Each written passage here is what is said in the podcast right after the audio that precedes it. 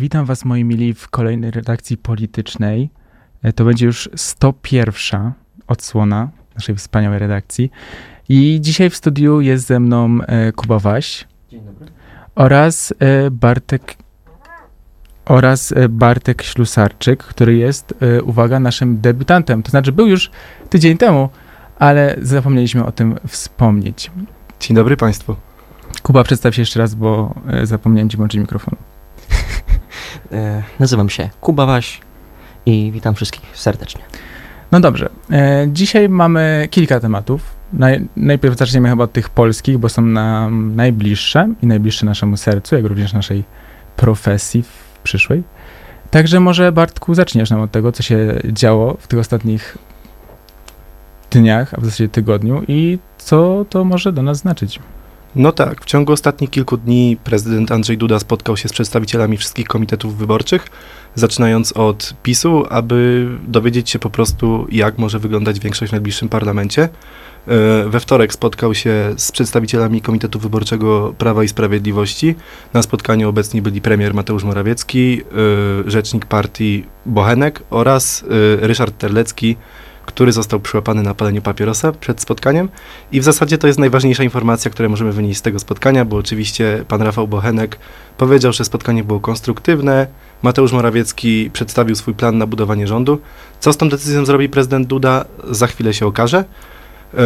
Następnie o godzinie 14 na spotkaniu pojawia się, pojawiają się przedstawiciele Koalicji Obywatelskiej, którzy byli już po ogłoszeniu oficjalnej decyzji o tym, że kandydatem zjednoczonej opozycji będzie Donald Tusk na premiera. O godzinie 12 miało miejsce te, taki briefing y, w Sejmie. Pojawili się tam właśnie przyszły, prawdopodobnie przyszły premier Donald Tusk, Włodzimierz Czazasty z Lewicy, y, Szymon Hołownia oraz Władysław Kosiniak-Kamysz jako przedstawiciele trzeciej drogi, tak aby po prostu na spotkanie z prezydentem szli już z gotowym programem. Czy oni się mogli minąć w drzwiach i na przykład zapalić papierosa razem z Terleckim? Jest taka opcja, bo spotkania było, były dość ciasno ułożone i na pierwszy dzień prezydent zaplanował sobie tylko dwa. Najwidoczniej nie był przygotowany, żeby ze wszystkimi komitetami od razu porozmawiać w ciągu jednego dnia. Więc jest opcja, że PiS i Platforma minęli się w przysłowiowych drzwiach w kancelarii prezydenta. Y, Natomiast y, premier Tusk y, nie zabrał głosu po tym spotkaniu. Zabrał głos dopiero dzisiaj w Brukseli, do czego przejdziemy oczywiście później. Natomiast stwierdził, że spotkanie było konstruktywne, i prezydent Andrzej Duda e, ma taką nadzieję, że, że podejmie właściwą decyzję, czyli sformułowanie po prostu, powierzenie, powierzenie misji tworzenia rządu premierowi Tuskowi e, w zjednoczonej opozycji.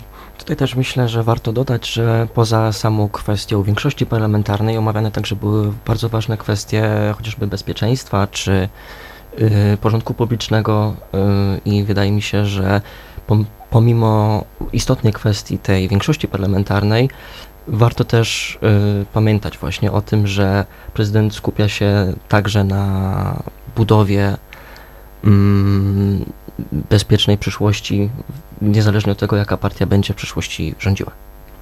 No tak, tylko powiem szczerze, że nie słyszałem po tych spotkaniach, żeby na temat tego bezpieczeństwa jakoś bardzo, bardzo głośno dyskutować. Bardzo fajnie, że prezydent Duda zajmuje się takimi ważnymi sprawami. Natomiast myślę, że clue tych spotkań jednak było stworzenie tej większości parlamentarnej, bo, bo, bo dzisiaj pojawili się przedstawiciele zarówno trzeciej drogi, e, jak i lewicy, i na końcu w to wszystko wmieszała się jeszcze Konfederacja. Pojawił się, pojawił się oczywiście Sławomir Mencen, który, musimy to powiedzieć szczerze, stolika nie przewrócił. No tak, ale to był też duży stolik, ciężko było go przewrócić, ale też nie był sam, więc mogliby mu pomóc. Ale co tu jeszcze sobie wyczytałem przez chwilę, jak e, e, sobie rozmawialiście, to to, że w sumie prezydent e, niekoniecznie musi wybrać Donalda Tuska do na przykład, żeby mu zaproponować tworzenie rządu, bo może to być na przykład Kosiniak-Kamysz, ponieważ ta koalicja w sumie chyba nie jest jeszcze do końca tak spisana, to jest na razie umowna taka taki umowny twór, więc równie dobrze Kośniak-Kamysz może zostać poproszony o to, żeby stworzył rząd, ale może zostać lojalny wobec reszty opozycji. Myślę, że, że mówisz z sensem, natomiast y, to spotkanie o godzinie 12, ten briefing prasowy w Sejmie Zjednoczonej Opozycji, wydaje mi się, że miał właśnie prezydentowi Dudzie dać do zrozumienia, że tym wspólnym kandydatem będzie Donald Tusk, co powtórzyli wszyscy przedstawiciele opozycji na tym spotkaniu i z takim przesłaniem też szli do, do prezydenta Dudy i wszyscy po tych spotkaniach, zarówno Robert Biedroń po spotkaniu Lewicy, czy wspólnie Kośniak-Kamysz oraz Szymon Hołownia powtórzyli to, co powiedzieli wcześniej w Sejmie, czyli że naszym kandydatem na, na premiera będzie, będzie Donald Tusk. Myślę, że jeszcze ciekawą sprawą, jeżeli zostajemy przy prezydencie, jest powołanie nowego szefa gabinetu politycznego prezydenta, mianowicie Marcina Mastalerka, przedstawiciela młodego pokolenia PiSu, bo, bo Mastalerek ma jedynie 37 lat, który powiedzmy sobie szczerze, nie ma za dobrych relacji z yy, wicepremierem Jarosławem Kaczyńskim, szefem partii PiS. Yy, I jak oceniacie ruch prezydenta i powołanie Mastalerka na, na szefa gabinetu? Wydaje mi się, że jest to bardzo ciekawe rozwiązanie, ponieważ pozwoli to w jakiś sposób pokazać opozycji, też byłej partii rządzącej, właściwie jeszcze obecnej partii rządzącej, że prezydent nie skupia się na jakichś koneksjach politycznych i wybiera ludzi, którzy mogą mu pozwolić budować dobre relacje z, także, także z opozycją, co wydaje mi się jest też dobrym sygnałem dla mm, Platformy Obywatelskiej i całej potencjalnej nowej koalicji rządzącej. I warto przyjrzeć się, przy, przyjrzeć się temu, w jaki sposób dzięki tej, dzięki panu Mastalerkowi mm, będzie wyglądała, będą wyglądały relacje pomiędzy opozycją a prezydentem. No nie wiem, czy to jest takie właśnie lekceważenie y, politycznych względów, bo w sumie to do tej pory, jak Paweł Szrot, tak? Dokładnie. On był doradcą prezydenta, tak? Między innymi i... Dostał się do Sejmu, dlatego... Tak, no właśnie, o tym chciałem powiedzieć, że w sumie dostał się do Sejmu, więc to nie jest tak, że ten nasz prezydent tak jest... Nie zwraca kompletnie uwagi na te przywiązania poselskie, bo wcześniej e, no, miał dużo osób ze swojego takiego byłego, teoretycznie byłego ugrupowania politycznego. Natomiast y, odejście Pawła Szrota do, do y, PiSu, do dotarcie do Sejmu, wydaje mi się, że jest też pierwszym, pierwszą próbą budowania przez prezydenta Andrzeja Dudę y, swojego ugrupowania w Sejmie, swojej powiedzmy, swojej powiedzmy takiej frakcji, bo wie, jak wiemy prezydentem będzie do 2025 roku i nie wiadomo co będzie dalej, dlatego, dlatego Duda buduje sobie takie poparcie w PiSie, którego wcześniej być może mu trochę brakowało, natomiast jak wiemy, Mastalerek ulubieńcem prezesa Kaczyńskiego nigdy nie był e, i zasłynął w ciągu ostatnich dni głośną wypowiedzią na temat tego, że e, uważa, że prezydent, że, Boże, premier Jarosław Kaczyński powinien podać się, powinien podać się do dymisji z funkcji prezesa PiSu i odejść na polityczną emeryturę. Oraz był zdania, no to w wywiadzie dla Bogdana Rymanowskiego w Radio Z, powiedział, że PiS zdecydowanie zawalił tą kampanię odważne słowa, ale to, e, to co mówiłeś o prezydencie, że chciałby tworzyć swoje ugrupowanie, to trochę się kłóci z tym, co ja słyszałem, bo ja doszły do mnie takie głosy, przynajmniej z tego, co czytałem w mojej bańce informacji na Twitterze, że e, Andrzej Duda ma ambicje e, międzynarodowe i on najchętniej to przytuliłby jakiś, jakąś ciepłą posadę na uniwersytecie w Stanach, i dlatego na przykład jest gotowy na układanie się tam z, z, administracją Stanów Zjednoczonych, czy bardziej taką międzynarodową, i on promuje siebie na takiego właśnie, no, mniej lub bardziej światowego. Strażnika demokracji, można powiedzieć. Tak, no teraz to jest w ogóle jego festiwal, jeżeli chodzi o w ogóle sprawczość. No tak, od dłuższego czasu można powiedzieć, że prezydent bryluje. Powiedziałbym, że nawet mniej więcej od wybuchu wojny, na, w, wojny w Ukrainie prezydent zyskuje bardzo dużo popularność, nie tylko w Polsce, właściwie powiedziałbym, że przede wszystkim za granicą. I czy jest to realne, żeby przejął gdzieś jakąś posadę za granicą? Nie wiem. Na pewno realne jest to, że w Polsce może budować swoją frakcję, przy czym jedno nie wyklucza drugiego moim zdaniem i jednak mimo tego skłaniałbym się jednak ku tej opcji polskiej w przypadku prezydenta Dudy. Ale myślę, że powinniśmy się skupić na tym jednak nie, gdzie prezydent Duda będzie wypoczywał na politycznej emeryturze, tylko na tym, jakie decyzje podejmie w ciągu kilku dni. To znaczy, komu powierzy misję formowania rządu. Bo jak słyszymy od różnych polityków PiSu, podobno są w fantastycznych kontaktach z Polskim Stronnictwem Ludowym. Jak mówi minister edukacji narodowej, on to wręcz by się zapisał do PSL-u, gdyby PiS nie istniał. Czy widzicie w ogóle opcję, żeby, żeby PiS jeszcze był w stanie dogadać się z Polskim Stronnictwem Ludowym? No jak mówi y, Marek Jakubiak, te rozmowy między PiSem a PSL-em są tak tajne, że on o nich nie wie. Także nie wiem, czy coś tam się dzieje w ogóle. Były rzekomo jakieś próby rozmów z pojedynczymi posłami y, Stronnictwa Ludowego. Jednak, Przekupstwa, no nie? Tak, no czy przekupstwa, to nie wiem, można, można domyślać się, że były tam jakieś posady y, oferowane, ale z tego, co, z tego, co mówili niektórzy przedstawiciele PSL-u anonimowo, wynika, że wszyscy jak dotychczas odrzucili, odrzucili oferty z PiSu, więc chyba nie wyjdzie no, obecnej partii rządzącej. Zresztą powiedzmy sobie szczerze, że nawet z PSL-em PiS nie ma większości powyżej 231 głosów. Oni mają 194 mandaty, PSL ma, 200, ma 32 mandaty, więc łącznie nie daje to większości sejmowej, więc musieliby podkupić jeszcze kilkunastu innych posłów, żeby to się wszystko udało. Tak więc yy, wątpię w sens misji prezydenta Dudy na powołanie rządu PiSu, który będzie próbował konstruować wątpliwą większość z PSL-em. Natomiast jaką decyzję podejmie, tego na dzień dzisiejszy chyba nie możemy jeszcze powiedzieć ostatecznie, bo ścierają się dwie takie, dwie takie, dwa takie głosy dochodzące z kancelarii prezydenta. I jaką decyzję podejmie ostatecznie Duda, dowiemy się pewnie w ciągu kilku najbliższych dni lub tygodni. To jeszcze nawiążę do e, tego naszego ukochanego mm, ministra edukacji, ponieważ on powiedział, że e, w Radiu Z, że wielokrotnie były rozmowy z PSL-em, ale no on nie powie z kim. Także widzimy, że te e, poważne są te rozmowy. Mm, I że wielokrotnie rozmawiali nawet wczoraj, cokolwiek to znaczy. Także te kontakty są bliskie, ale no mm, to co zadałeś to pytanie, czy, czy w ogóle jest możliwa ta koalicja PiS-PSL, no to z tego, co mówi PSL, to jest niemożliwe. No bo oni mieli konferencję w poniedziałek, w poniedziałek bodajże, no i Kośniak-Kamysz mm, pochwalił się jednocześnie, że do, znowu został, e, uzyskał od większości PSL-u ten mandat taki na sprawowanie dalej szefostwa.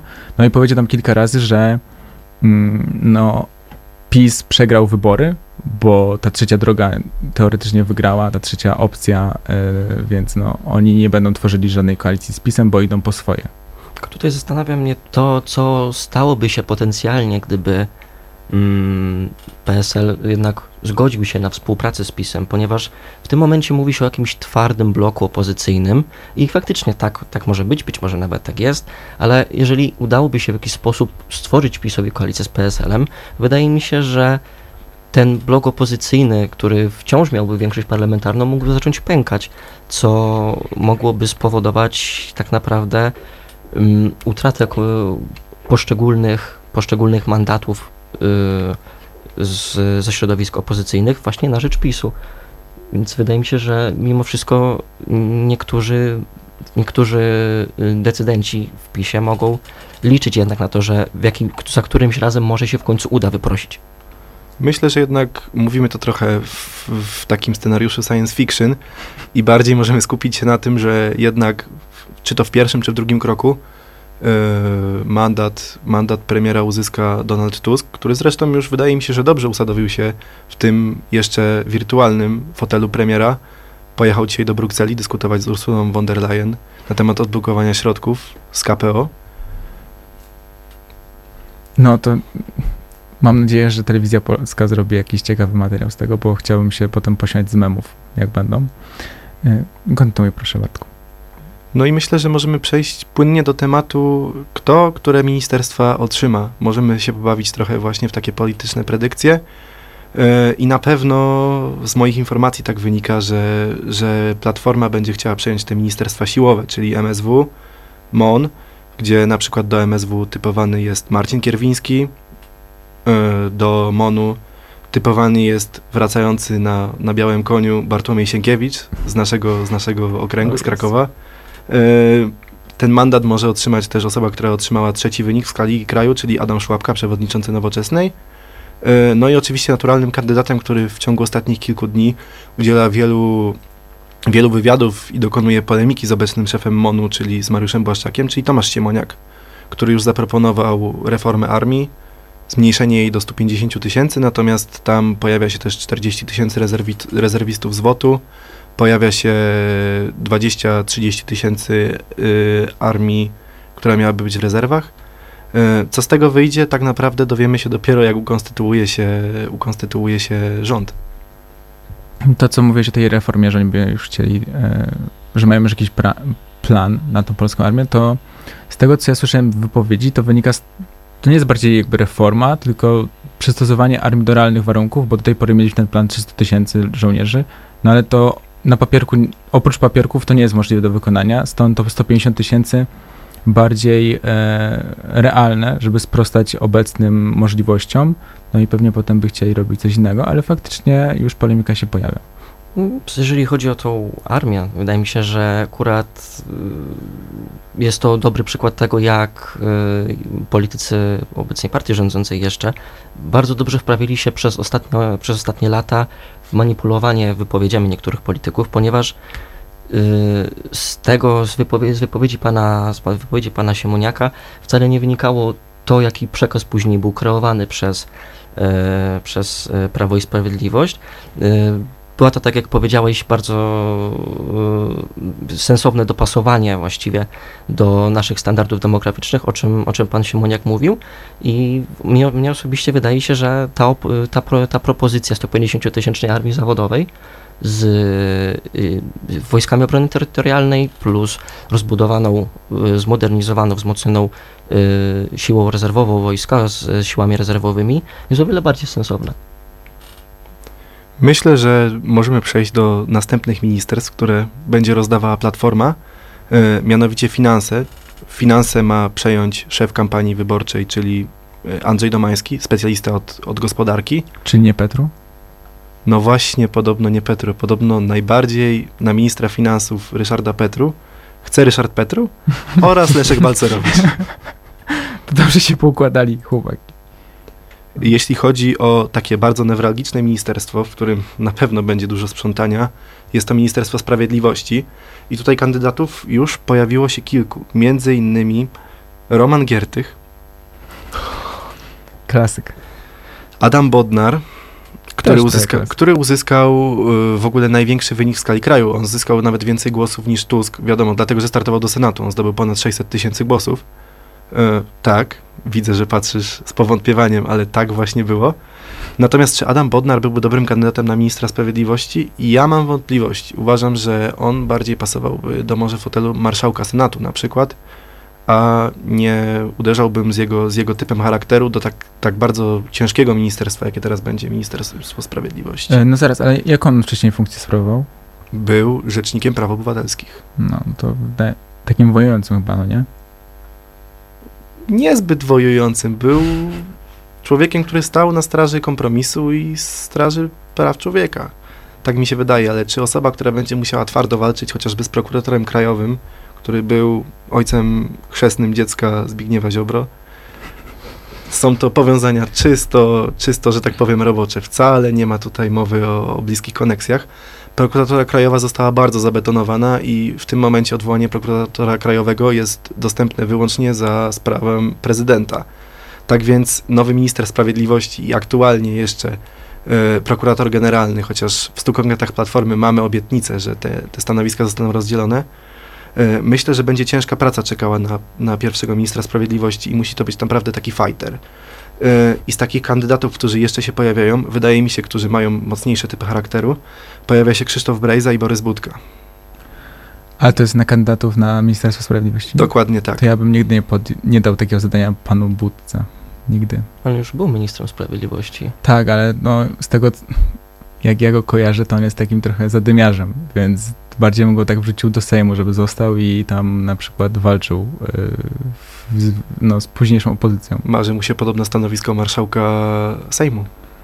No to to raczej byłoby już osiągalne. Tylko pytanie, czy oni, czy Platforma będzie chciała oddać takie stanowisko yy, na przekupstwo na przykład, nie PSL-owi czy Hołowni? Właśnie, czy będzie chciała, czy będzie musiała oddać no stanowisko, no bo podobno, podobno w rządzie są zakusy, żeby powołać tylko jednego wicepremiera, którym miałby być Władysław Kosiniak-Kamysz, jednocześnie minister rozwoju lub gospodarki, to jeszcze jest do dogadania. Nie rolnictwa? nie rolnictwa. O dziwo w rolnictwie, w rolnictwo nie chce iść też Marek Sawicki, były, były minister rolnictwa. I jest to trochę stereotyp, bo wicepremierzy zarządów PO-PSL, którzy byli z ramienia, z ramienia PSL-u, czyli chociażby Janusz Piechociński czy Waldemar Pawlak, byli właśnie ministrami gospodarki, a nie rolnictwa. Tak więc myślę, że Kosiniak może pozostać na stanowisku ministra gospodarki, bo na pewno do polityki społecznej nie zamierza się już pchać. No ale umówmy się teraz akurat y, te wszystkie ministerstwa, czyli na przykład rolnictwa, y, Jezu, jak to się nazywa, y, no, że opieka zdrowotna, y, zdrowie, eduk ciekawe, edukacja i um, sprawiedliwość to są takie um, ministerstwa po prostu na ostrzu noża postawione. No i trzeba będzie tam po prostu walczyć cały czas. No teraz z rolnictwem jest problem w zasadzie w tym kraju cały czas, bo rolnicy to akurat em, bardzo em, nerwowa grupa. No, a edukacja, no to wiadomo, że w sumie tak przydałaby nam się jakaś zmiana na lepsze. No i tak to jest właśnie, że te wszystkie, to są najważniejsze teoretycznie, najważniejsze e, ministerstwa, ale też najgorsze do obsadzenia. I kto będzie chciał figurować to swoją twarzą, prawda? Jeśli chodzi o rolnictwo, to szykowani są, szykowani są jedni z młodszych działaczy PSL-u, bo żaden z wiodących działaczy nie chce być specjalnie kojarzony z tym ministerstwem, bo wie, że to po prostu jest bardzo ciężkie zadanie. Tym bardziej jeszcze przechodząc do takich ministerstw, których nikt nie chce, tak można powiedzieć. Jest to Ministerstwo Zdrowia, w którym jest podobno bardzo ciężka sytuacja i na propozycję, którą otrzymał chociażby Bartłomiej Arukowicz, były minister zdrowia, podobno, podobno bardzo negatywnie na nią zareagował, nie jest zupełnie nie, nią zainteresowany. Także, także bardzo ciężko jest wytypować ministra zdrowia, chociaż pojawia się nazwisko Alicji, Alicji Chybi- Chybickiej, która pracuje w Komisji Zdrowia w Sejmie i y, profesora Tomasza Grodzkiego, obecnego marszałka Senatu, który to stanowisko prawdopodobnie utraci. Tomasz Grodzki jako mm, minister zdrowia, no ja, ja tego nie widzę osobiście. Tym bardziej, że no, z jego pewnymi problemami dotyczącymi jego kariery medycznej. Ale co ciekawe, przecież y, Kośniak-Kamysz jest lekarzem, może on by nie chciał. Jego ojciec pracował już w Ministerstwie Zdrowia, natomiast sam Kośniak-Kamysz rzadko pojawiał się na, na komisjach zdrowia, częściej zabierał ten głos na mównicy sejmowej, ale z tego co wiem nie jest zainteresowany propozycją bycia ministrem zdrowia. No i to w zasadzie są, jest większość po, popularnych ministerstw, które PSL miałby otrzymać. Ym, Co dalej? Polska 2050, tu przede wszystkim Ministerstwo Rozwoju, które na początku przejąć miał sam Szymon Hołownia, natomiast y, on zdecydowanie teraz jest już w Sejmie, czuje się marszałkiem Sejmu i o to stanowisko będzie walczył i jest duża szansa, że, że, że przyszły premier Tusk jest w stanie na to stanowisko się zgodzić. Y, Z ciekawych stanowisk, które może otrzymać Polska 2050 jest Ministerstwo Spraw Zagranicznych. I tu typowane są dwa nazwiska, czyli y, były generał, szef sił zbrojnych, generał Mirosław Różański, obecny senator trzeciej drogi, lub Katarzyna Pełczyńska-Nałęcz, która pracowała już w MSZ-cie, y, zarządów Platformy, jest byłą ambasadorką w Moskwie. Jeżeli chodzi o pana Różańskiego, to z tego co czytałem, akurat y, Donald Tusk kolorowo wypowiedział się, że nie chce, żeby Ministerstwo Obrony było kojarzone z osobą, która była odpowiedzialna za ten plan obrony, który został upubliczniony w trakcie kampanii wyborczej. Więc nie wiem, czy akurat ta kandydatura jest pewna.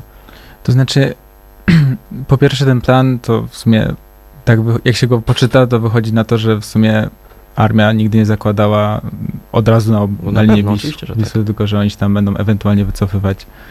Mm, A dwa, że w sumie y, to jest dość dziwne zjawisko, kiedy na przykład żołnierz zostaje y, jakimś ministrem, bo były takie zjawiska w polskiej polityce i nie są najlepiej widziane ani y, pod koniec PRL-u, ani w dwudziestoleciu międzywojennym.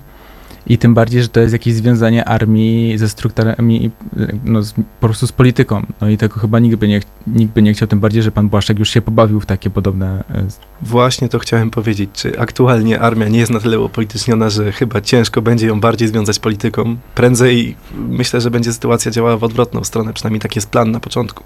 No ale jest różnica, jak sobie robisz zdjęcia na tle zielonych mundurów i mówisz, że tam super zrobiłeś robotę, a jak na przykład już faktycznie generał zostaje jakimś tam ministrem, no nie. No tak, y, to wydaje mi się, że jeszcze dodatkowo y, jest nie, raczej nie będzie kandydatura brana pod uwagę, chociażby przez to, że po dzisiejszym spotkaniu trzeciej drogi sam Szymon Hołownian wspomniał o tym, że modernizacja, reforma służb jest bardzo istotna i wydaje mi się, że jeżeli, mowy, że, że jeżeli mowa jest o reformie służb, y, aby lepiej służyły Polsce, to nie, raczej, raczej były wojskowe nie będzie brane pod uwagę, choć z drugiej strony Wydaje mi się, że jeżeli okazałby się, jeżeli okazał się dobrym politykiem y, w trakcie y, bycia członkiem Senatów jeszcze trwającej kadencji, mógłby być to pewien atut, który w jakiś sposób y, budziłby zaufanie w środowisku wojskowym, co mogłoby też pewne rzeczy pozwolić zmienić o wiele, o wiele łatwiej i szybciej, moim zdaniem. No tak. Co dalej? Mamy lewicę, która też otrzyma na pewno jakieś stanowiska. Wydaje mi się, że nie jest to żadna tajemnica, że do przejęcia resortu edukacji szykuje się Agnieszka Dziemianowicz-Bąk. y, która o tym otwarcie wypowiada się już od kilku lat. I nawet sam pan Przemysław Czarnek wypowiedział się, że zostawi dla niej kwiaty, jeżeli, jeżeli przyjdzie i obejmie, obejmie ten resort. To, to chyba jakieś takie zwiędnięte już. Może z podsłuchem. Jak w samochodzie prezydenta, ale to był lokalizator. To był lokalizator. Y, dla lewicy ma zostać też przekazane mieszkalnictwo, taki nowy resort, który prawdopodobnie powstanie, gdyż jak wiemy, lewica szła na sztandarach z planem, z planem budowy mieszkań. Twierdzą, że na tym znają się najlepiej i będą jak najbardziej walczyć o to stanowisko. Właśnie jeżeli chodzi o te nowe ministerstwa, tak jak teraz wspomniałeś, jestem bardzo ciekawy, jak to będzie wyglądało w przyszłości, bo jak na razie można powiedzieć, że tych stanowisk do obsadzenia nie jest tak dużo, jak mogłoby być, albo jak było podczas poprzedniego rządu Platformy. I to jest zastanawiające, czy powstaną nowe ministerstwa i jeżeli tak, to ile będzie ich potrzeba, żeby zadowolić wszystkich koalicjantów? Ja tylko przypominam, że tydzień temu rozmawialiśmy o tym, co się może stać i faktycznie e, chyba Igor powiedział, że można, że można utworzyć e, specjalne ministerstwo dla lewicy tylko po to, żeby się wyłożyła. I to było właśnie Ministerstwo Mieszkalnictwa. Wydaje, że czy tam jeżeli chcieliby, żeby Liwca się wyłożyła, mogliby jej dać Ministerstwo Zdrowia. Ale czy by wzięli? No nie wiem, no jakby mi ktoś powiedział, gdybym ja na przykład był w koalicji, i ktoś mi powiedział, jest do zgarnięcia Ministerstwo Zdrowia, to ja powiedział, że nigdy. No proszę cię, że to jest tragedia. Oprócz tego dla Lewicy ma być przekazane również, również Ministerstwo Cyfryzacji, na czele którego stanu miałby, miałby stanąć obecny szef klubu Lewicy Krzysztof Gawkowski. E, no i, i w zasadzie tyle. Jeżeli je, jeszcze jedno stanowisko, o którym możemy powiedzieć, o którym już wspominaliśmy wcześniej, czyli Ministerstwo Rolnictwa, jeżeli nie trafiłoby do PSL-u, to jest jeden młody, ambitny poseł Koalicji Obywatelskiej, który chętnie przejąłby to stanowisko. Ale najpierw zadałbym takie pytanie. Mikołaju, wiesz, czym jest Zgromadzenie Narodowe? Wiesz co? Może nie wiem. Może nie wiesz. Tak właśnie powiedział y, pan Kołodziejczak, szef Agrounii, który wczoraj w rozmowie u Roberta Mazurka, powiedzmy sobie szczerze, nie wypadł zbyt komfortowo, zbyt dobrze i być może te wypowiedzi wczoraj przekreślają ostatecznie jego szanse na stanowisko y, ministra rolnictwa, w którym bardzo chętnie by się widział. Zresztą podkreślał to wczoraj, że byłoby to najlepsze ministerstwo rolnictwa w XXI wieku pod jego kierownictwem. Y, natomiast wydaje mi się, że aktualnie takich szans już nie ma, po prostu nie ma. No tak, wydaje mi się, że jeżeli miałbym dostać jakieś stanowisko ministerialne, to wczoraj, wczorajszym wywiadem tak naprawdę zaprzepaścił szansę na to jakąkolwiek. Natomiast zastanawiam się, czy może nie chodziło w tym bardziej o to, że on chciał w jakiś sposób tym wywiadem może podkreślić, że on w jakiś sposób dogadał się z Platformą, ale z drugiej strony po wyborach będzie może chciał toczyć, y, poruszać się własną ścieżką, niezależną od, od koalicji rządzącej. Tak, powiedziałbym, że to jest taki trochę różowy flaming opozycji, który bardzo się wyróżnia, bardzo głośno, bardzo głośno skrzeczy, jest go bardzo dużo. Natomiast czy z tego wynikają jakieś merytoryczne rzeczy? to się okaże. Ja na przykład chciałbym się dowiedzieć, czy w ogóle przygadnięcie Agrounii dało jakieś bonusy Platformie. Jeden mandat konkretnie dla pana Michała Kołodziejczaka. Super. Żaden więcej z członków Agrounii nie wszedł e, do Sejmu i może to dla koalicji lepiej, bo kto wie, kiedy pan Michał Kołodziejczak zmieni zdanie, gdyż jak wiemy wcześniej był w samorządzie, był w partii Prawo i Sprawiedliwość, Potem były jakieś próby dogadania się z PSL-em i ostatecznie pod skrzydła wziął go Donald Tusk na listy wyborcze. Co będzie dalej? No tak, no ale umówmy się, że PSL ze swoim rolniczym rodowodem to raczej nie chciałby nigdy ani nie chciałby jakiegoś kontrkandydata do tej swojej y, roli przewodnika polskiej wsi, ani tym bardziej rolników. No, a Agrounia już wiele razy po prostu pokazywała, że przewodnictwo PSL-u nie jest już tak wyraźne i potrzebna jest nowa siła na horyzoncie teoretycznie pojawia się, jeżeli chodzi o pana Kołodziejczaka, Konfederacja, która, jeżeli chodzi o tematy rolnictwa, nie ma kogoś, kto mógłby być ich taką twarzą w tej kwestii, a wydaje mi się, że mógłby się z nimi dość łatwo dogadać. No, poglądy na Rosję mają prawie podobne. Wręcz identyczne. Co jeszcze przygotowałeś dla nas, Bartku? Myślę, że możemy porozmawiać o Centralnym Biurze Antykorupcyjnym, bo w ciągu ostatnich kilku dni Jest to dość gorący temat, kiedy były szef CBA, Paweł Wojtunik, ujawnił, że mm, w zasadzie zadał, zadał pytania. Wydaje mi się, że jest to trochę związane z y, ewentualnym, chociaż już w zasadzie rozpoczętym procesem sądowym przeciwko niemu. Zadał pytania do, do, szefa, do szefa MSWiA Mariusza Kamińskiego, czy przed wyborami y, Centralne Biuro Antykorupcyjne y, podsłuchiwało polityków trzeciej drogi. Podobno osobą, która miała być wtyczką, był stryj Władysława Kosiniaka-Kamysza, który rozpracowywał trzecią drogę. Rodzinne koneksje obróciły się przeciwko PSL-owi. Boże święty. Nie mogę. No i rozpoczęło się postępowanie. E, Mariusz Kamiński z artykułu 212 kodeksu karnego wytoczył sprawę przeciwko Pawłowi Wojtunikowi. Natomiast e, plus tego jest taki, że być może prokuratora zbada, czy faktycznie CBA dokonywało nadużyć i rozpoczęła się debata publiczna o tym, czy Centralne Biuro Antykorupcyjne w obecnej formie powinno dalej funkcjonować, czy może powinno zostać rozwiązane i przejęte przez Komendę Policji. Co to znaczy w obecnej formie? Jakbyś jeszcze powiedzieć. W obecnej formie, czyli w formie głębokiego zakorzenienia i upolitycznienia. Tak mi się wydaje, że niestety również i ta struktura pod kierownictwem Kamińskiego i Wąsika, którym zresztą sprawa sądowa została, została wrócona w sprawie afery gruntowej, yy, została głęboko upolityczniona. Przypomnijmy aferę Pegasusową związaną z senatorem Brejzą w czasie kampanii wyborczej E, dochodzi do tego nowa afera z podsłuchiwaniem, e, z podsłuchiwaniem służb trzeciej drogi. E, no, nie wiem, w obecnej formie chyba ta służba potrzebuje głębokiej reorganizacji i odpolitycznienia. Zresztą jak wiele służb obecnie. No, chyba wszystkie służby właściwie, takie mówiąc o takich ogólnokrajowych, ale jeżeli chodzi o samo CBA, to z samej natury, ze swoich korzeni to jest służba założona i właściwie zaludniona przez środowiska Prawa i Sprawiedliwości, bo powstała podczas ich pierwszej kadencji w 2005, kadencja 2005-2007 i od tamtego czasu całkowicie była nie lub całkowicie, dominująco była y, zaludniona y, ludźmi z y, koneksjami, który, którzy mieli koneksję z Prawem i Sprawiedliwością, co też widać było w budżecie, w zapleczu, ponieważ nawet wczoraj chyba czytałem artykuł o, tym, jaki budżet roczny posiada CBA i jest to bardzo duża kwota, bo to jest bodajże 250 miliardów złotych. Wydaje mi się, że pewne zmiany w tej, w tej kwestii są, są konieczne i trzeba sobie odpowiedzieć na pytanie, czy służba zajmująca się badaniem korupcji e, powinna mieć własną, powinna być osobną instytucją, czy może powinna być wcielona w służbę albo do samej policji, tak jak powiedziałeś na początku, Bartek. To ja bym chciał tutaj tylko zaznaczyć, że w sumie mm, sama nazwa, czyli Centralne Biuro Antykorupcyjne, to jest dobra nazwa. I jeżeli ktoś mówi publicznie, że chce zlikwidować tą służbę i podaje bardzo takie, no się, niezbyt wyraźne konkrety, bo to, że jakaś służba jest upolityczniona, to słyszymy co jakby co 4 lata, zwłaszcza przy kampanii wyborczej. I to, że na przykład e, PiS się zasłania CBA, że to jest potrzebna funkcja, znaczy służba, a PO z kolei mówi o upolitycznianiu, to musimy odrzucić na bok. I jak mam być szczery, to służby faktycznie powinny być apolityczne.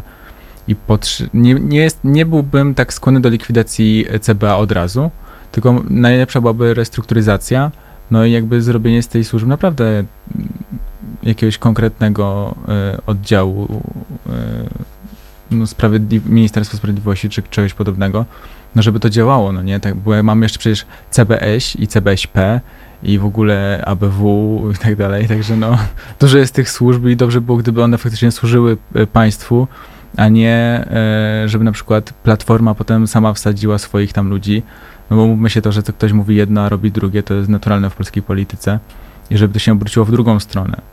Przede wszystkim, żeby służby nie nachodziły na siebie kompetencjami, bo Też. to też jest duży problem obecnie, ale wydaje mi się, że jeżeli miałaby być jakaś, jakieś odpolitycznienie służb, jeżeli już o tym mówimy, to raczej, raczej nie przy obecnej stanie politycznej Polski, bo niezależnie od tego, kto, kto by rządził, i tak wydaje mi się, że to jest gruntowna reforma, która trwałaby bardzo długo i wydaje mi się, że niezależnie od tego, kto by rządził, ta reforma nie byłaby przeprowadzana do końca z dobrymi intencjami, ponieważ służby w jakiś sposób, chcąc nie chcąc, są połączone z polityką i mają na nią dość istotny wpływ, nie tylko w Polsce, ale też ogólnie w wielu krajach świata.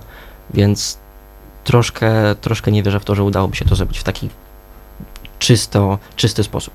No na pewno, zwłaszcza są służby. Jak ktoś już ma władzę, to raczej ze służb w Polsce no, ciężko jest wyegzekwować poddanie e, się normalnemu ministerstwu. Kończąc temat służb, jeszcze mm, informacja, że generał Jarosław Szymczyk ma odejść z policji w święto niepodległości. Czy myślicie, że szykuje się huczne pożegnanie generała? Mam nadzieję, że w jego gabinecie. Albo na ulicach Warszawy, bo w sumie Marsz Niepodległości. Natomiast myślę, że takie pożegnanie e, generałowi Szymczykowi może urządzić na przykład Agencja Bezpieczeństwa Wewnętrznego, która zamówiła 55 urządzeń przeznaczonych do niszczenia dokumentów, które, które mogą być e, przetwarzane na konfetti. I może to właśnie po to zostało to zamówione, żeby pożegnać generała Szymczyka. Generalnie w mediach pojawia się temat nowego programu PiS, czyli Niszczarka Plus, bo to nie jest, jedyny, nie jest jedyna instytucja, która zamówiła niszczarki tuż przed wyborami lub tuż po wyborach. Bardzo ciekawy timing na, na, na zamawianie takich urządzeń. Dużo makulatury trzeba się pozbyć, no jest. Akurat taki termin, no. Ciekawe, co na temat makulatury powie Ministerstwo Środowiska. Ale to jeszcze, co ty mówisz o tym konfetti, to ja bym nie, nie był tak skłonny do rozrzucania po dokumentach konfetti, bo jak się przekonali Amerykanie kiedyś w Iranie, to można poskładać te wszystkie papierki potem z powrotem i te faktycznie niszczarki nie są najlepszym rozwiązaniem, chyba, że potem, nie wiem, palicie te wszystkie wiórki czy coś. Podobno te urządzenia, które akurat przetwarzają, e, przetwarzają e, rzeczy na konfetti, to akurat mają niszczyć plastik, czyli prawdopodobnie na przykład karty kredytowe, e, czy inne tego typu twardsze dokumenty, także z tego już może będzie ciężko. Dyski będą dyski, Dyski na przykład, tak. W sumie teoretycznie można też powiedzieć, że osoby, które będą zajmowały się niszczeniem, zadbały o swoją wygodę i nie będą każdy, wszystkich kartek wkładały osobno, tylko w całe, całe księgi mogą wsadzać. Więc kwestia wygody została uwzględniona. Chciałbym zobaczyć burzę mózgów przy tym naprawdę. Chłopaki, potrzebujemy lepszych niszczarek, żeby więcej dokumentów naraz. Ale no, ja się dziwię trochę, no bo służby powinny wiedzieć, jak się niszczy dokumenty, prawda? No i najlepszy do tego zawsze był ogień. Także nie wiem, może kominków zabrakło czy coś, no bo to zawsze można było podsunąć na przykład pod opał. I potem Jak to w słynnej wywozić. scenie w filmie Psy. Tak. Z drugiej strony, czy te zakupy nie sugerują, że w tym roku nie będzie dodatku węglowego? Każdy, y, każdy Polak powinien otrzymać po prostu plik dokumentów, który może palić Dokładnie. y, w kominku lub piecu i wszystko było po, po, po sprawie. Jest jakieś rozwiązanie. Myślę, że generalnie temat polskiej polityki możemy zakończyć jeszcze aktualnymi pracami polskiego rządu, co robią, co robią jeszcze zanim oddadzą władzę lub nie, jak twierdzą. E, na przykład minister Czarnek wymyślił program na 400 milionów złotych dofinansowań dla ochotniczych straż pożarnych. Stąd podobno wspaniale układa się, e, układa się współpraca z Waldemarem Pawlakiem, który jest szefem ochotniczych straż pożarnych. A Marcin Chorała ogłosił, że otrzymano dofinansowanie na centralny port komunikacyjny, że jest firma Vinci Airports z Francji, która jest w stanie zaoferować 8 miliardów złotych na ten projekt. Super. I co z tym zrobi opozycja? No tak jak z tymi wszystkimi zakupami, które na przykład robił MON wcześniej, albo na przykład Ministerstwo Zdrowia, no nie? Też trzeba będzie pomyśleć o tym. Mm, To jest akurat ciekawy temat, bo mimo wszystko nie jest to takie pewne. Patrząc na pewne zapowiedzi co do niektórych programów po, po wyborach, to No ja mam głęboką nadzieję, że to, że ta polityka na wierzchu góry lodowej to jest właśnie to takie przepychanie się, ale wewnątrz oni mniej więcej potrafią zrozumieć, że sprawy są e, poważniejsze i na przykład jak ktoś będzie przejmował Ministerstwo Obrony Narodowej, to zostanie mu przedstawiona dokumentacja i jakby powody, dla których coś zostało kupione, albo powody, dla których można odstąpić od, od umowy, żeby to potem też nie było robione na gwałt i żeby nie, nie wyglądało to jakoś tak makabrycznie. Tak, dlatego właśnie oprócz CPK i potencjalnego działania nowego rządu, mam też wątpliwości co do programu atomowego. Na czele No, też. Ministerstwa Klimatu być może stanie Urszula Zielińska, wiceszefowa Partii Zieloni, która w wywiadzie dla Radia Z tuż przed wyborami powiedziała, że musimy przemyśleć program atomowy Polski yy, i przeanalizować, czy umowa, którą podpisaliśmy z Koreańczykami i Amerykanami jest korzystna. No i zobaczymy, co będzie. Hmm. no akurat się obawiam, bo energetyka jądrowa jest dość istotna i wydaje mi się, jest dość dużą szansą dla Polski, więc mam nadzieję, że akurat pani, y, pani która jest przedstawicielką Zielonych, nie, nie, obejmie Ministerstwa Klimatu.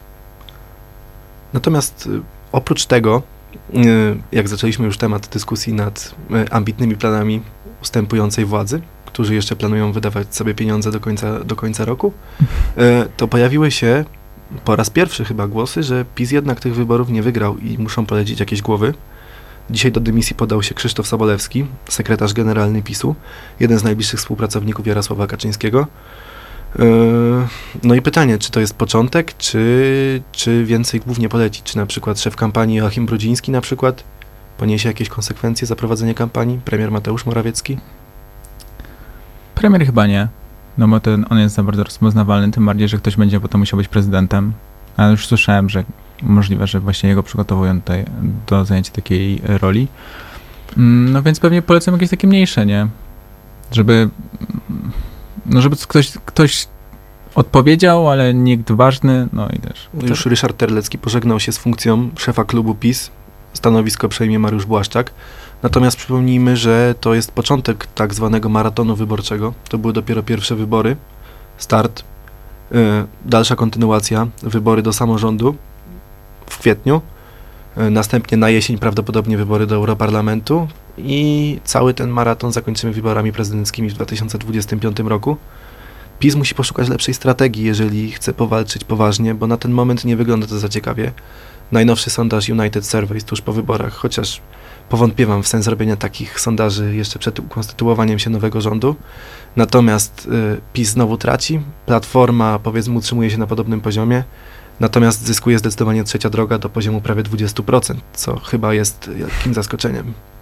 Chciałbym, chciałbym zobaczyć takie wyniki trzeciej drogi. Pytanie, czy tak jak politycy PiSu mówią, że głosowanie na trzecią drogę było taktyczne, to czy tutaj ankieterzy United Surveys również głosowali taktycznie i stąd pojawił się wynik 20% dla trzeciej drogi? Może to już nie będzie to już trzecia droga, tylko będzie już druga droga. I, no, i, no i potem co, no, pierwsza, pierwsza siła, nie, chyba. Pierwsza, pierwsza siła, siła tak, trzecia droga. Dobrze.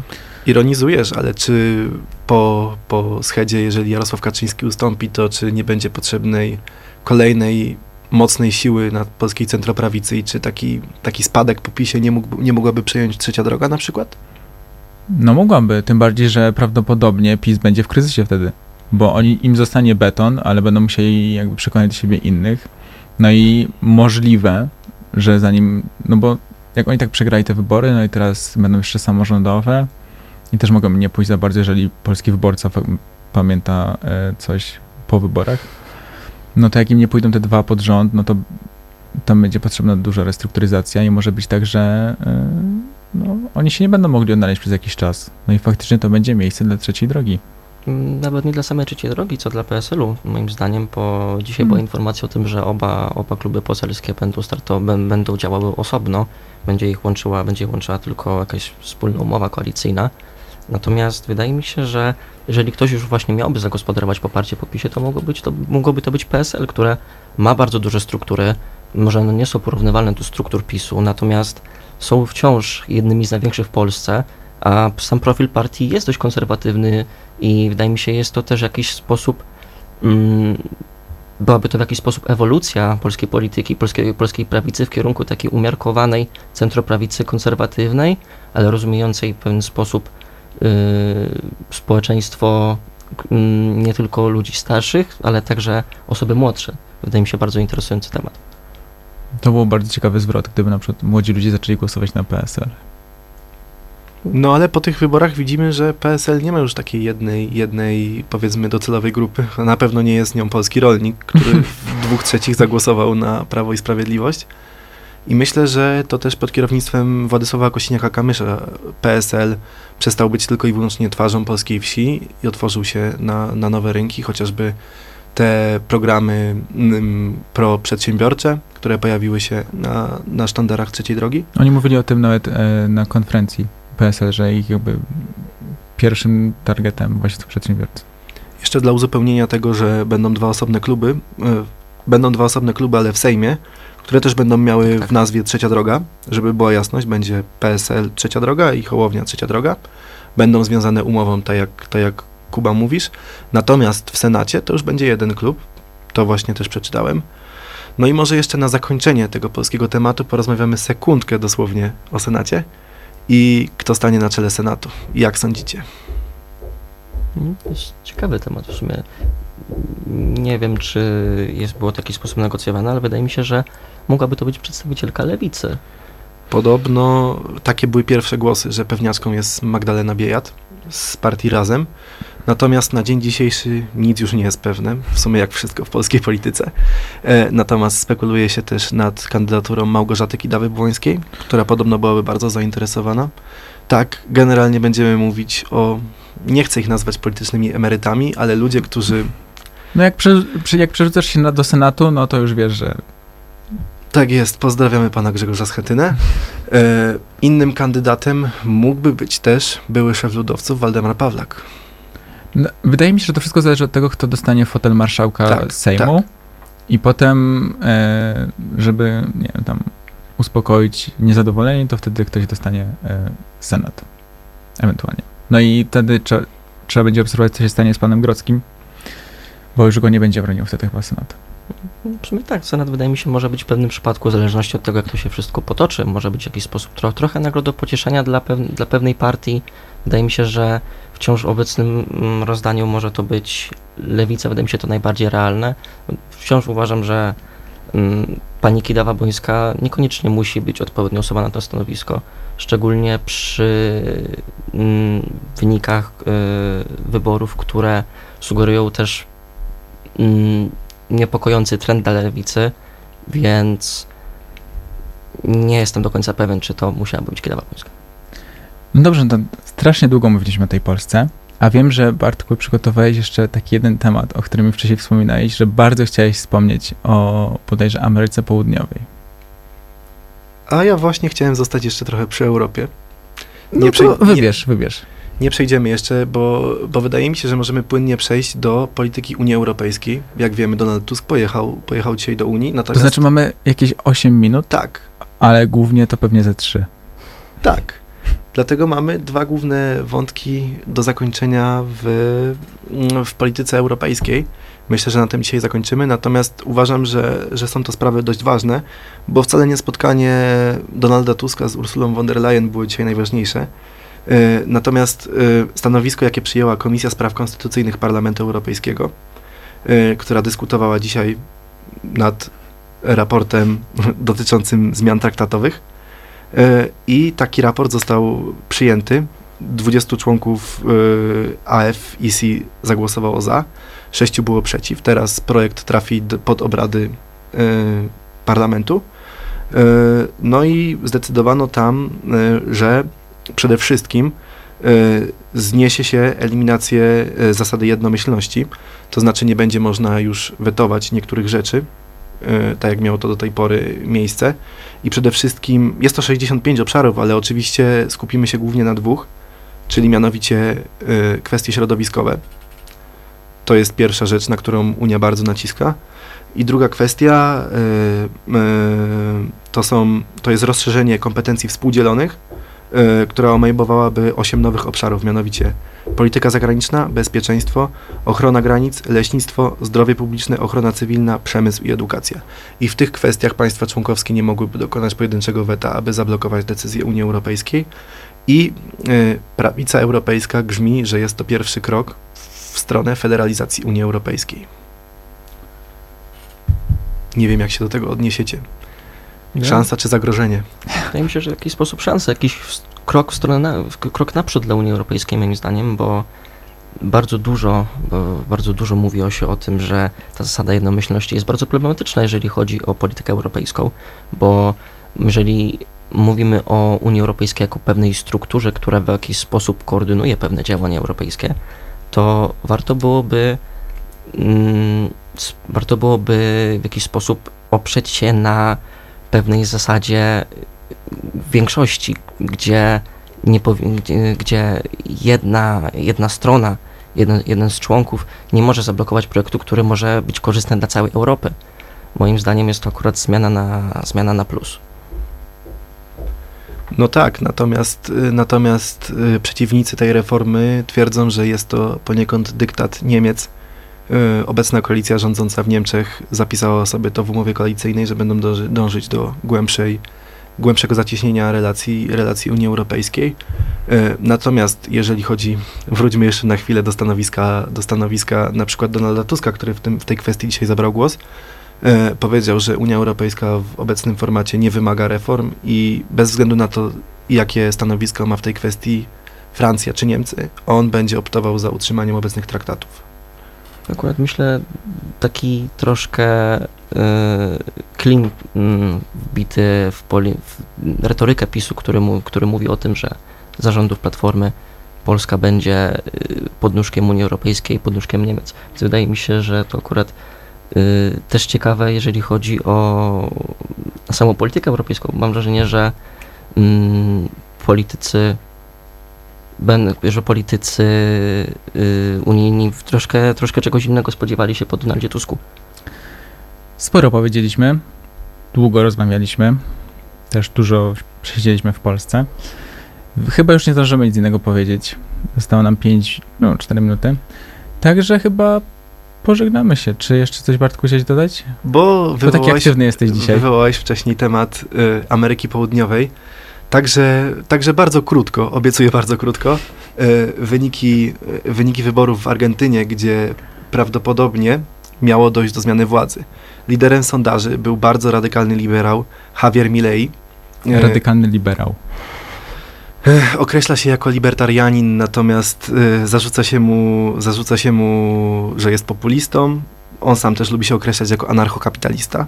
Pięknie. E, zapowiadał cięcia budżetowe, gdyż jak wiemy w e, Ameryce Południowej jest duży problem z inflacją. E, natomiast co ciekawe, pomimo dużego poparcia w sondażach, w pierwszej turze wygrywa obecny minister gospodarki Sergio Massa, który jest określany jako jedna z głównych osób odpowiedzialnych za obecną inflację w Argentynie.